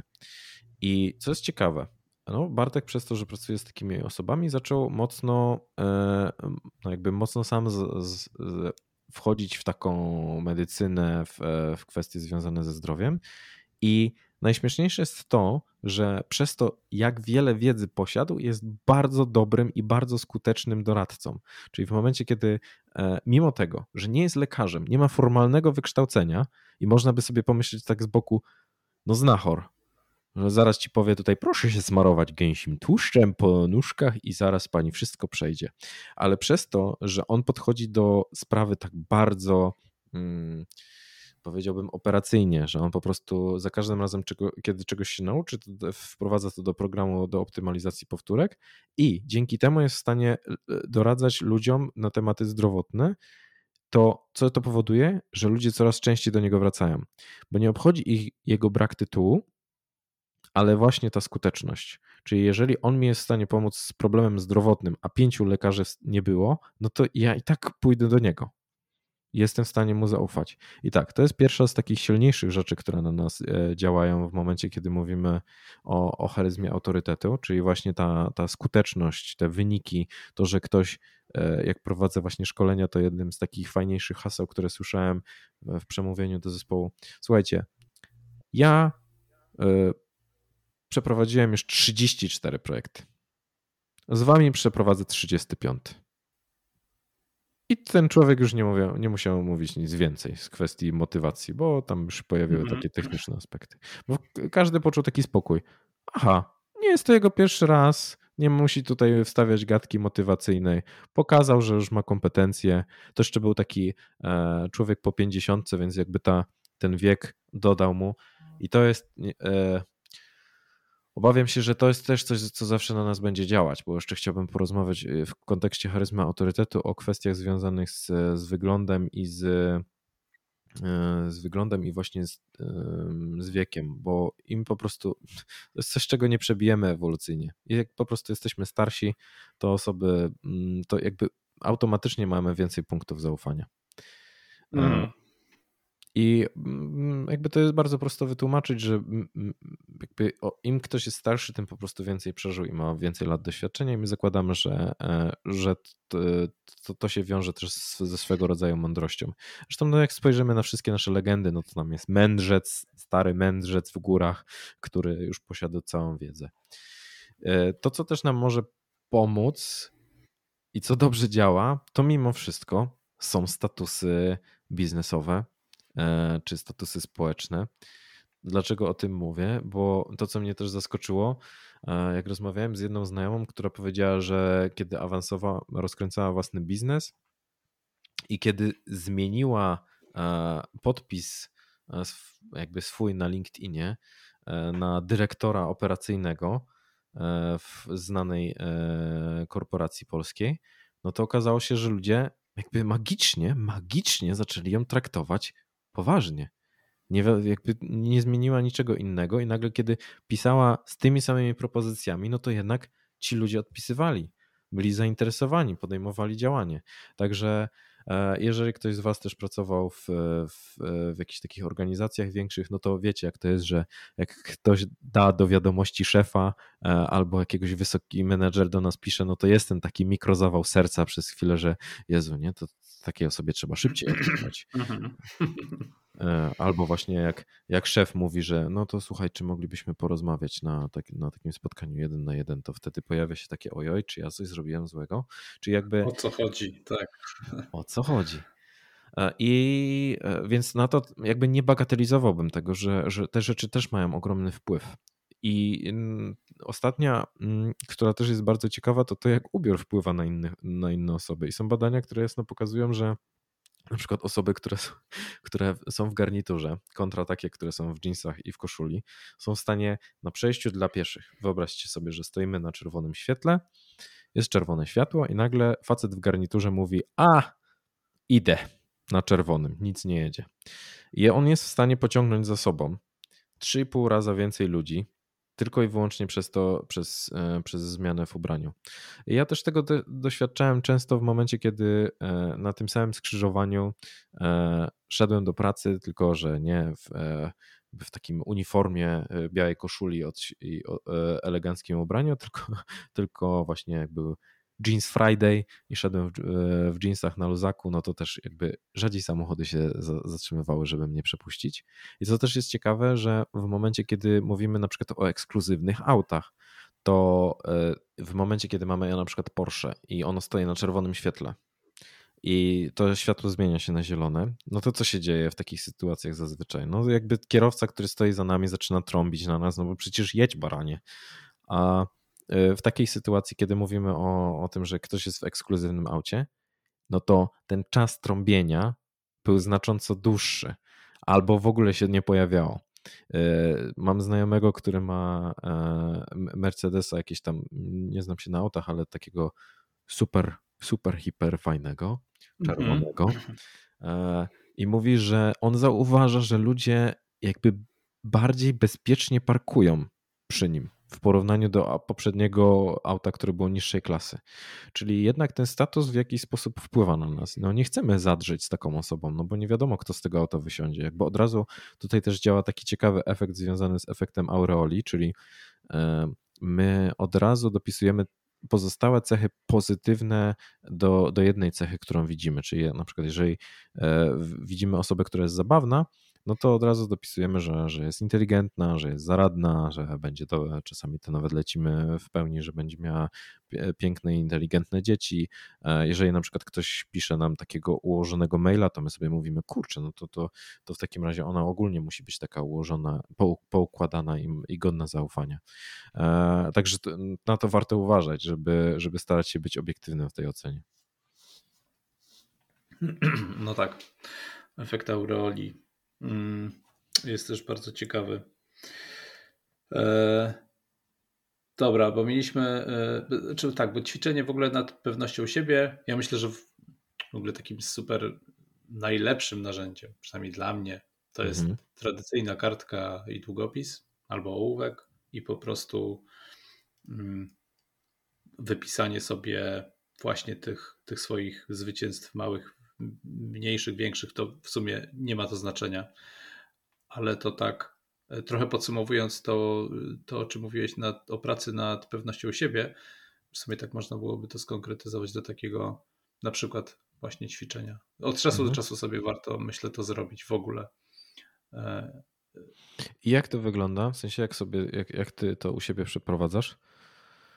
No ja na przykład, y, wiesz co, jeżeli to nie jest jako, jakoś tam umieszczone właśnie w kontekście chociażby przeprowadzania warsztatu w, w takiej naszej wcześniej sytuacji, którą sobie tam odegraliśmy, bo, bo tym się też zajmuję i w sumie, i w sumie często też mam takie, mm, takie spadki, myślę, mm, takiej wiary w siebie, że no Jezu, czy ja naprawdę jestem e, godny, żeby tutaj ludzi e, uczyć czegoś, bo no e, bo, bo może ja wcale nie wiem tyle, może oni są mądrzejsi ale jest w ogóle coś takiego chyba, nie wiem czy to dobrze nazwę, ale coś, co gdzieś tam w psychologii się jakoś tak nazywa syndromem oszusta, czy, mm. czy tak jakby jesteśmy, tak mamy takie przekonanie, że kurde, że, że, że my chyba jednak nie jesteśmy tak dobrzy, jak nam się wydaje, że e, tak i potem jak właśnie ten, ten jeden z uczestników tak na nas patrzy i E, e, i, i, i zaczynamy myśleć tak, on już wie. Tak, on się domyślił. on, on już wie, on już, on już wie i zaraz wszyscy też będą wiedzieć, że po prostu ja ściemniam, nie? że to, to e, że ja ich nie jestem w stanie niczego nauczyć, bo oni są mądrzejsi ode mnie. Więc jeżeli to nie jest jakoś tam umieszczone w takim kontekście, to, to ja myślę, że wystarczy tak naprawdę wypisać sobie, poświęcić nawet kilka minut na to, żeby wypisać sobie E, rzeczy, które nam, które zrobiliśmy, nawet jeżeli to jest, nie wiem, przebiegnięcie 5 kilometrów, na przykład, e, nie wiem, e, ja akurat mam dużo takich odniesień do, do, do sportowych rzeczy, nie wiem, to mi się jakoś zawsze najlepiej kojarzy, ale nie wiem, kurczę, ukończenie studiów, cokolwiek, co mi przychodzi do głowy, co wymagało ode mnie jakiejś pracy. Nie musi to być duża praca, ale coś, co, co wiem, że e, nie wydarzyłoby się, gdybym nie włożył w to jakiegoś wysiłku. Mhm. I tyle. Okej, okay, super, super, super. No to jest dokładnie bardzo, bardzo fajne ćwiczenie, żeby właśnie się wzmacniać, żeby unikać tego efektu udało się. Dokładnie.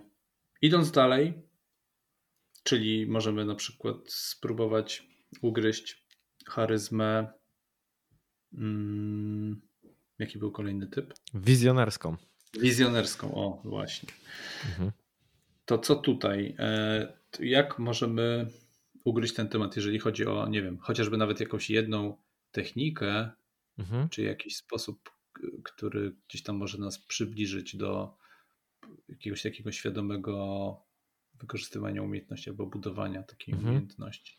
Wiesz co, to, to tutaj właśnie będą te wspomniane charyzmatyczne taktyki, bo e, pan John Antonakis wraz z zespołem swoim badawczym e, pochodzącym z RPA e, jakby sklasyfikował konkretne zachowania, które podnoszą, podnoszą efektywność.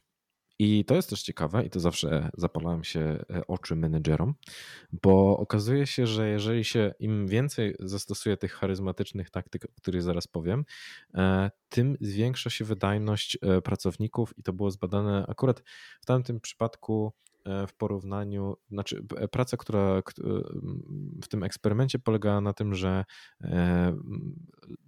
to było wysyłanie listów i więc jakby łatwo było policzyć e, jednostkowo wydajność. I okazało się, że porównywalny wzrost efektywności pracowników e, po charyzmatycznej przemowie z użyciem właśnie charyzmatycznych taktyk był do tego, jeżeli oni dostawali bonus pieniężny. E, także, no i to jest właśnie ten moment, kiedy menedżerowie wyciągają kajety i zaczynają pisać i mówią: Dobra, Dawid, jedziesz, bo to od jutra wprowadzam ale myślę, że może to wprowadzić każdy do swojego życia. I to, co jest ciekawe też, że, że Antonakis pokazywał, że używanie e, większej ilości tych charyzmatycznych taktyk w tweetach e, na Twitterze przez polityków powoduje, że one są udostępniane nawet do 4,5 razy więcej.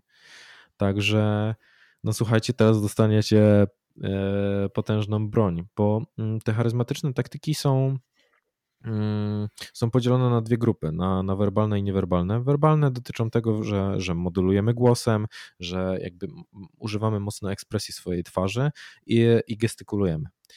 E, więc mm, przez to, że jesteśmy trochę teraz w świecie online, przez to, że to trochę zostało wycofane, także myślę, że, e, że tutaj jest e, że tutaj trochę, no trochę jesteśmy tutaj ograniczeni, ale w momencie, kiedy ja na przykład pracuję indywidualnie z ludźmi nad, nad charyzmą, to mówię, że słuchajcie, no jakby y, modulacja głosem to nawet czasami po prostu jest zawieszenie, zawieszenie głosu na jakiś moment. Także dawajcie sobie tutaj, y, tutaj przestrzeń. Y, albo w momencie, kiedy mówimy o gestykulacji, to jeżeli przechodzicie przez, przez pasy i ktoś wam się zatrzyma, to po prostu podziękujcie mu machnięciem ręki, żeby oswajać się w tym, żeby, e, żeby nie trzymać tych rąk przy sobie, tylko, tylko żeby, e, żeby one też wyrażały, wyrażały nas. Mm, jeżeli mówimy o charyzmatycznych taktykach, które są e, niewerbalne, znaczy werbalne, czyli skupiamy się tutaj już na tym, co mówimy, a nie w jaki sposób, no to jest cała gama. Jedna z nich to jest związane z tym, że, że mówimy o pytaniach retorycznych. I to też świetnie działa w momencie, kiedy mamy spotkania online, ponieważ w momencie, kiedy pojawia się pytanie retoryczne, no to no to przykuwa uwagę. Ja tutaj oczywiście podam taki bardzo charakterystyczny przykład. Siedziałem nas e, w pierwszej ławce na na zajęciach ze statystyki e, i rozmawialiśmy o tym, w jaki, dlaczego e, osoby, które, dlaczego ludzie kłamią w kwestionariuszach psychologicznych.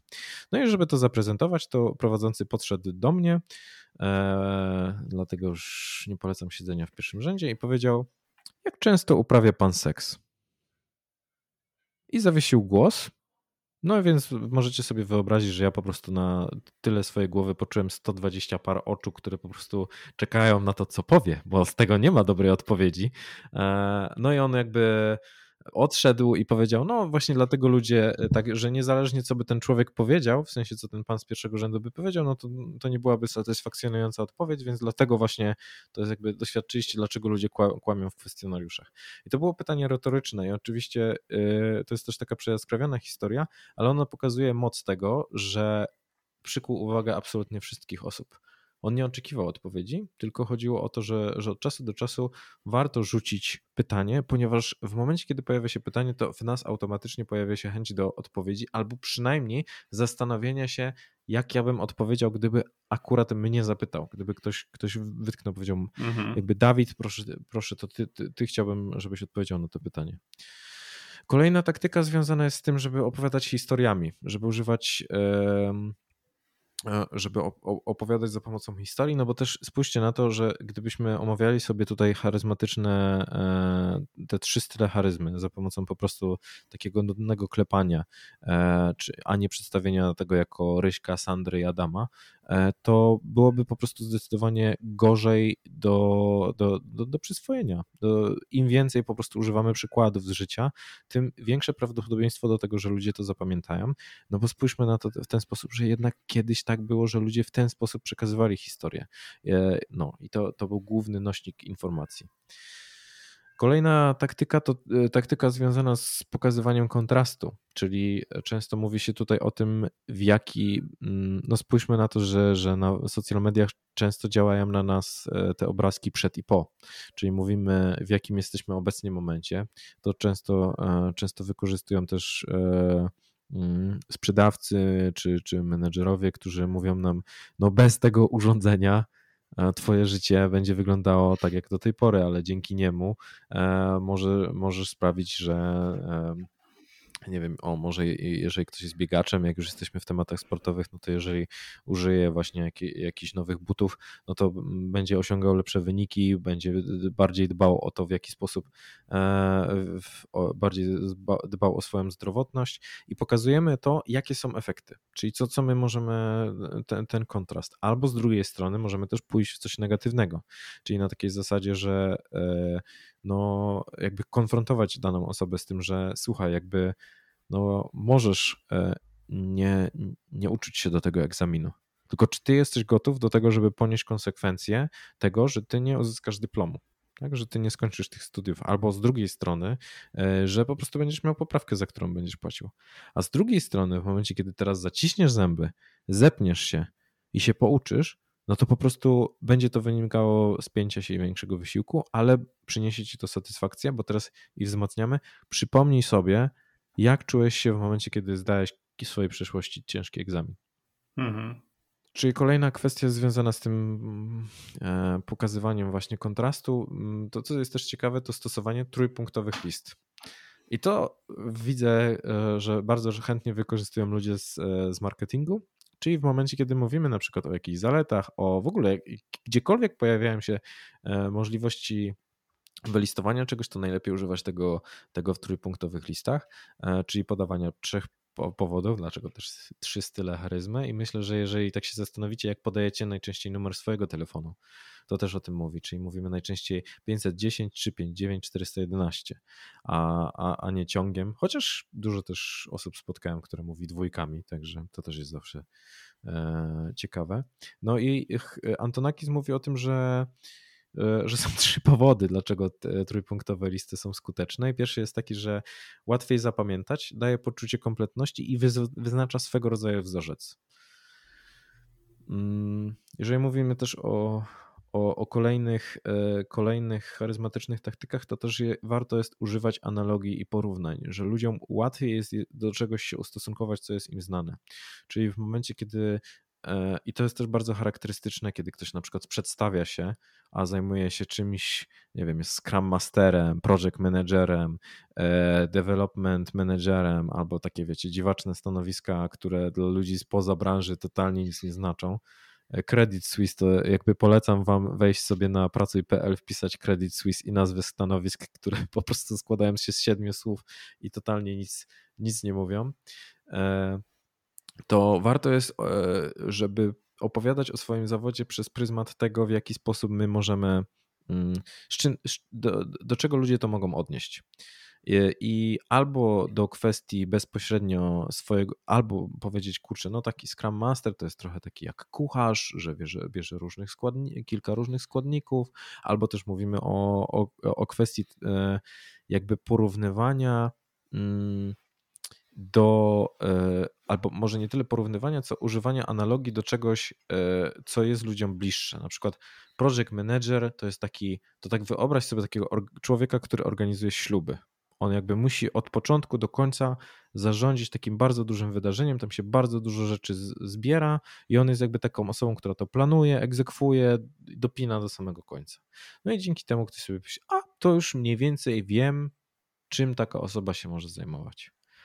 Mm, jeszcze są to też dwie taktyki związane z takim, e, to już bardziej motywacyjne, czyli pokazywanie takich wysokich celów, i a druga taktyka związana jest z tym, żeby pokazywać w jaki sposób można je osiągnąć. Czyli właśnie trochę wracamy do tego przykładu osoby, która się e, uczy do egzaminu i ma taki kryzys motywacyjny, no to możemy jej wtedy powiedzieć, słuchaj, no to, to jest osiągalne, ale to nie wystarcza, no bo wtedy jesteśmy takim typowym bieda coachem, który mówi e, you can do it, dasz radę, powiedz sobie w lustrze, że jesteś świetny i to wystarczy. I tutaj pokazuje się właśnie ta kwestia związana z tym, że e, pokazywanie tego, tego że to jest osiągalne przez pryzmat na, na przykład y, pokazywania drogi do osiągnięcia tego celu. Czyli słuchaj, no jakby rozłóżmy sobie to na mniejsze kawałki. W momencie, kiedy zastanowimy się, ile ty czasu jesteś w stanie dziennie poświęcać na naukę i kiedy mógłbyś robić to najbardziej efektywnie, no to to już pokazuje, że, że jest to osiągalne, że jest to gdzieś tam w zasięgu, two, w zasięgu czyjejś ręki. No, także jeżeli coś takiego zastosujemy, to myślę, że, że charyzma zmiecie tą drugą osobę z planszy to też tak mi się przypomniało, mm, bo wczoraj w ogóle właśnie trochę tak się przygotowując, myśląc o, o dzisiejszym nagraniu, gdzieś tam sobie wybrałem się na spacer po lesie i słuchałem sobie któregoś z Twoich odcinków podcastu. Mhm. I, I tam był, mm, była właśnie taka, e, mówiłeś o takiej technice e, sposobu charyzmatycznego przedstawiania się i przypomniało mi się Przypomniała mi się też taka sytuacja e, z mojego życia. Kiedyś prowadziłem jakiś taki mały warsztat i właśnie też była taka rundka, każdy się przedstawił i zapamiętałem tylko jedną osobę, która się przedstawiła. E, tak mi się przypomniało, jak mówiłeś o, w ogóle o Scrum Masterze. E, no, akurat ja dużo pracuję w tym środowisku i no tam to było takie pół na pół. Połowa z tych ludzi to byli, to byli Scrum Masterzy, ale jeden z nich przedstawił się w taki sposób. Powiedział, Ja zapamiętałem nawet w ogóle, co powiedział, nie? Mhm. Więc to jest w ogóle e, ciekawe, a to było tak już dobre 3, 3 lata temu, że ja pomagam zespołom maksymalizować wartość dostarczanych produktów. No po prostu e, od razu to e, przykuło moją uwagę, myślę, że tam wszystkich też i, no i spowodowało, że, że, że właśnie tą jedną osobę zapamiętałem. Mhm. Nie, kompletnie i zacząłem się zastanawiać, kurde, kto tam jeszcze w ogóle był? Zero, nic nie pamiętam, nic, tylko tego jednego. Tak. To taka, taka ciekawostka, jak to, jak to właśnie działa. I założę się, że on się też wyróżnił na tle innych, że oni po prostu przedstawiali się w taki sposób, że właśnie, a ja tam jestem księgowy, cześć, nazywam się Daniel, jestem mhm. księgowym mhm. w dziale księgowości. Tak, jestem, jestem tak, Kasia. zdecydowanie tak. tak, było. i to jest mhm. tak, jest jedna, jedna rzecz, która, bo to fajnie, że, że poruszyłeś ten przykład, bo on jest taki bardzo, bardzo charyzmatyczny, na takiej zasadzie, że pierwsza z rzeczy, którą warto robić, to jest jakby tak wy, wy, e, nie dać się wtłoczyć we wzorzec, bo często jest tak, że na przykład pierwsza osoba się przedstawia, tam mówi, cześć, jestem właśnie Daniel, pracuję jako księgowy i mam dwa koty. No i potem reszta leci, cześć, jestem Kasia, jestem w dziale audytu, nie mam kotów. I w momencie, kiedy my powiemy właśnie i no najczęściej tak jest, że ta pierwsza osoba wyznacza mhm. wzorzec no i potem tak, każdy tak. kolejny się dokładnie w tym samym modelu przedstawia. E, I to, co jest ciekawe, to właśnie w momencie, kiedy ktoś się wybije, a to wtedy trzeba mieć odwagę do tego, żeby się wybić, no bo jednak mówisz się zupełnie coś innego. Mówi, mówisz, że cześć, e, ja jestem Krzysiek, Dzięki swojej pracy wy jesteście w stanie wyciągać pieniądze z bankomatu. Zajmuję się e, tworzeniem aplikacji do, znaczy tam pisaniem kodu do, do aplikacji bankowych. No i i na przykład nie wspomina zupełnie o kotach albo mówi o zupełnie czym innym, e, no to to powoduje, że kurczę, i tak, teraz spójrzmy na to, bo z jednej strony my pokazujemy, jak nasza praca wpływa na innych, czyli my się sobie myślimy, a to dzięki niemu, okej, okay. Dzięki, Powiedzmy, że wielokrotnie korzystałem z Twoich usług. Potem mówimy właśnie o tej, e, czyli powiedzmy, że tutaj korzystamy z, tej charyzmy wizjonerskiej, że trochę wzbudzamy tę emocjonalność. Potem mówimy właśnie o, no, o swoim autorytecie, czyli rzeczywiście czym się, czym się e, zajmujemy. No i ten trzeci element fajnie, żeby był taki relacyjny, żeby wspomnieć właśnie o tym, o tych kotach, o rodzinie, e, albo to, co jest też takim ciekawym rzeczą, to żeby na przykład powiedzieć o swoim wstydliwym sekrecie, ale takim, który można ujawnić, na przykład, że ja często mówię, że słucham, podsłuchuję rozmowy w komunikacji miejskiej innych ludzi. I, I, to mm, powoduje, że ludzie się tak uśmiechają, mówią, ja czasami też. E, I, i pokazujemy tą taką ludz, ludzką stronę. Dobrze, mieliśmy taktyki charyzmatyczne. A co z tą charyzmą e, relacji? Mhm. W sensie, czy tam jakieś, mm, jakieś też techniki, jak, jak ją rozwijać? Mhm. To akurat Pewnie. mnie najbardziej interesuje. Wiesz co, myślę, że tak. Pierwszą z takich e, rzeczy, która przychodzi mi do głowy, to jest właśnie to, to, mm, to, to żeby nie odpowiadać, e, dawać przestrzeń ludziom. To znaczy, że w momencie, kiedy oni do nas przychodzą, to nie starać się dawać rad. Bo widzę, że to, co jest największym problemem, to że czasami nawet człowiek nie zdąży opisać, w czym jest problem, a my już mu bęc, gotowe rozwiązanie jest tutaj, proszę bardzo. Tak by, e, no, także już masz, także dzięki, a często jest tak, że, że ludzie nie, jakby, kurde, to zabrzmi banalnie, ale pytać ludzi w ogóle, czego oni potrzebują. Tak czasami po prostu w momencie, kiedy ktoś nam e, do nas przychodzi z jakąś sprawą, czy żeby po prostu pogadać, e, to warto go zapytać, na przykład mówi, mam problem. I my mu wtedy słuchamy z takim, zaraz tutaj wyciągnę garść rozwiązań, a czasami warto zapytać, słuchaj, ale y, w jaki sposób ja ci mogę pomóc? Nie? Czego, czego ty byś chciał ode mnie? W sensie nie pytam tego o to w taki sposób, że agresywny, tylko no, zastanawiam, jakby widzę, że masz problem, słyszę o czym opowiadasz i zastanawiam się, wiesz, czego, w jaki sposób ja mogę ci tutaj pomóc. I często jest tak, że ludzie mówią, że po prostu chcą się wygadać. I oni wtedy, to jest ciekawe, że mówią, że jesteśmy świetnymi rozmówcami, kiedy my tylko kiwamy głową i mówimy tylko mhm, mhm. I to też jest szalenie ważne, jeżeli mówimy o takim aktywnym słuchaniu, żeby stwarzać e, wrażenie, znaczy nie, nie chodzi o to, żeby stwarzać wrażenie, tylko że w momencie, kiedy my rozmawiamy z ludźmi, zwłaszcza w świecie online, e, kiedy, kiedy no jesteśmy ubożsi o te, o, o te pozostałe kontakt, znaczy o ten kontakt fizyczny, że możemy sobie nawet obserwować drugiego człowieka. To jest to, co ty świetnie robisz przez całą naszą rozmowę, czyli kiwasz głową. E, czy ja, ja po prostu widzę, że jest okej, okay, że ty mnie słyszysz, że, że się zgadzasz. No bo też zróbcie sobie taki test, jak następnym razem będziecie z kimś rozmawiali przez telefon, to po prostu się nie odzywajcie, kiedy dana osoba mówi no to gwarantuję, że po 3-4 minutach będzie takie: Jesteś tam? Jesteś?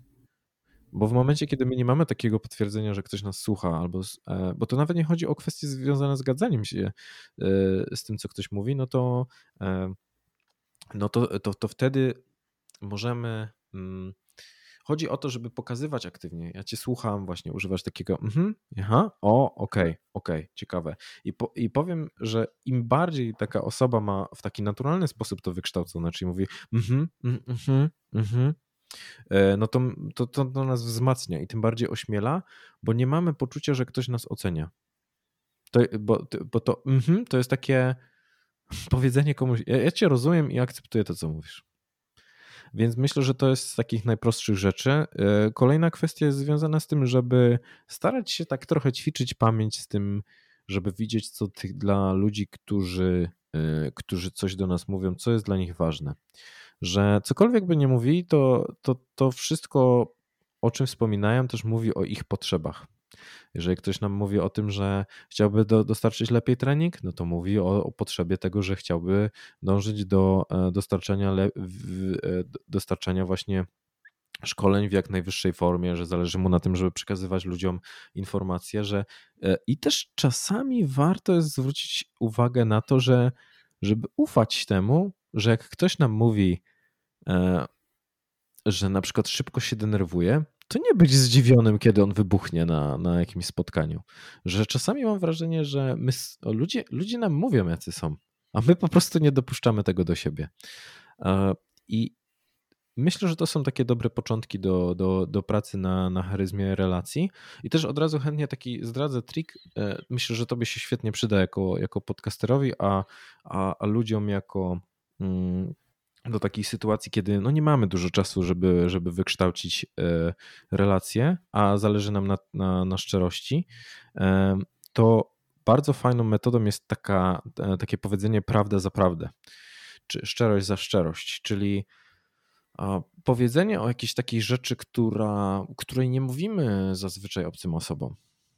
Czyli właśnie, e, kurczę, no jakby nawet możemy się odnosić do tego COVID-a, czyli słuchaj, no macie jakby, już miałem teraz w zeszłym tygodniu powikłania, e, które się za mną ciągnęły już jakiś czas. Wiesz, dla mnie ogromnie ważne jest to, żeby być no jakby zdolnym mentalnie człowiekiem, w sensie, że, że ta świadomość tego, co się wokół mnie dzieje, jest dla mnie ogromnie ważna, a jakby COVID mi to zabrał. I mega ciężko mi z tym było. I nagle dostajesz coś takiego od osoby, której praktycznie nie znasz, i to nie jest, to nie jest jakby przekroczenie granic. To nie jest, y, że, że ja ci tutaj zaczynam się żalić. Ja jakby nie, nie oczekuję od ciebie tutaj rad czy czegokolwiek, tylko jakby mówię o tym informacyjnie.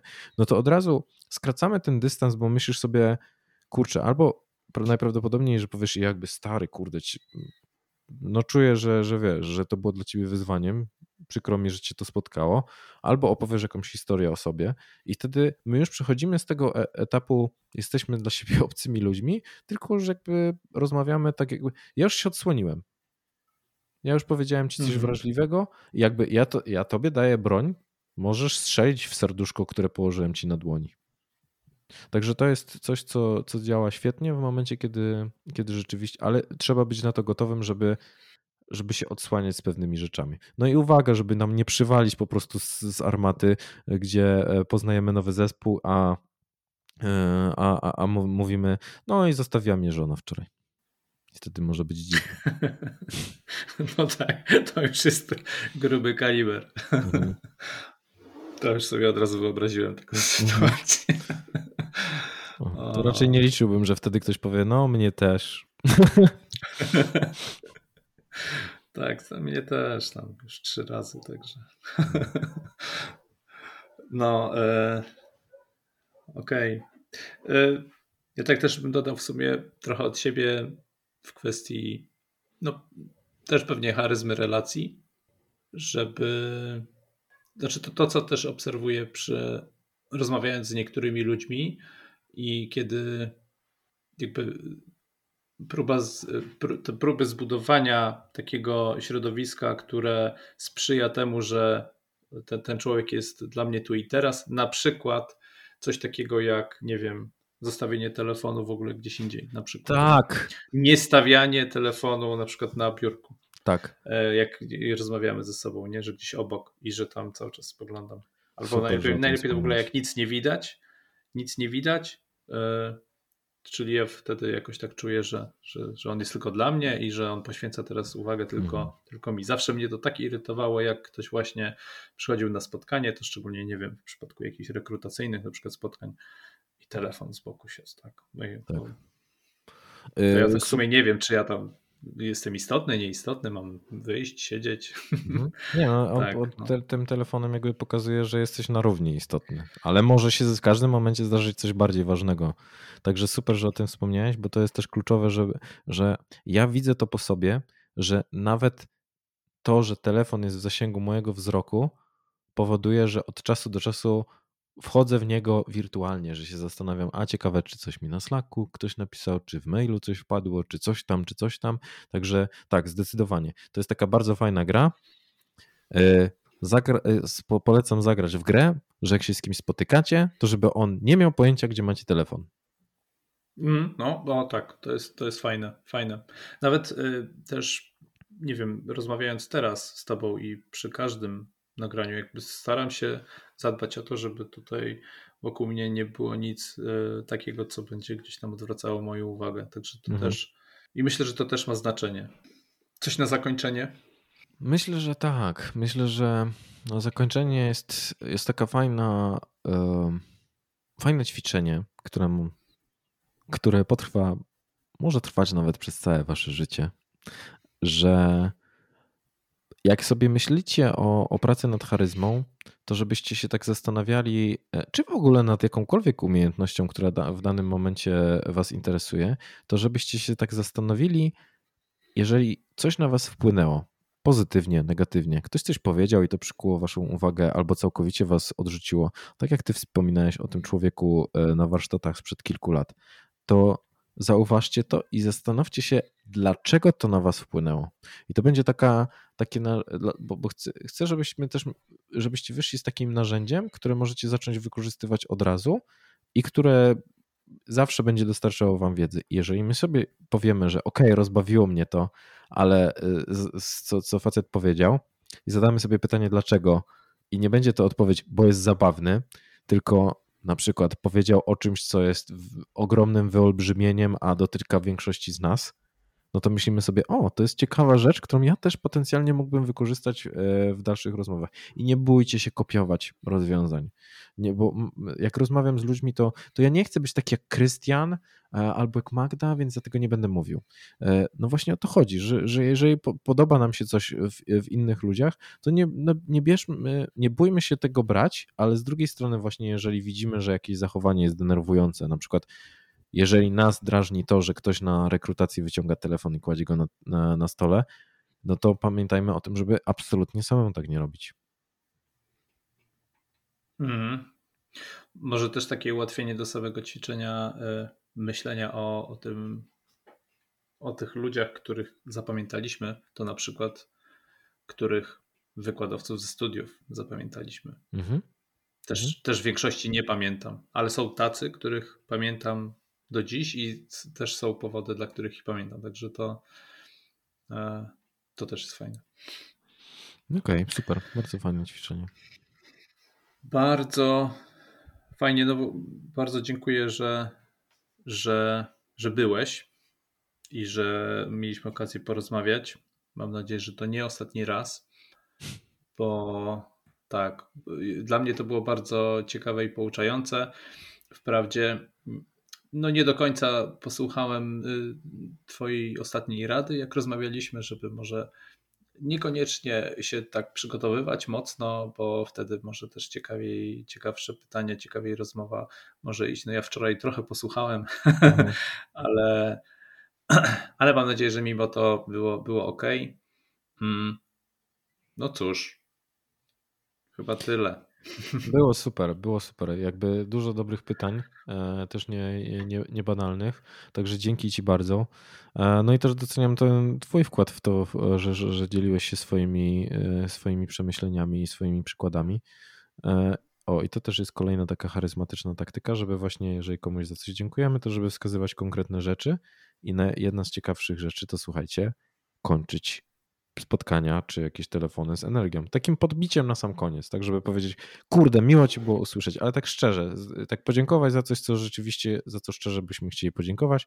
Tak jak ja na przykład chciałem podziękować Maćkowi za to, że, że mnie zaprosił, bo wiem, że będzie kosztowało dużo czasu, żeby, żeby ten e, odcinek ujrzał światło dzienne, także i doceniam to mega, że, że, że będzie poświęcał e, swój czas. Wasz, wam, drodzy słuchacze, chciałem podziękować za to, że postanowiliście się wybrać z nami na bardzo długi spacer e, w pościeżkach charyzmy. No i trzymam za was kciuki. No i też zachęcam, że jeżeli będziecie mieli jakiekolwiek pytania, to jestem też bardzo otwarty na to, żeby, żeby o charyzmie pogadać. Także zachęcam do kontaktu. A ja dziękuję Dawidowi za to, że e, przyjął zaproszenie, że był, że dzięki temu no, wspiera to, co ja robię też.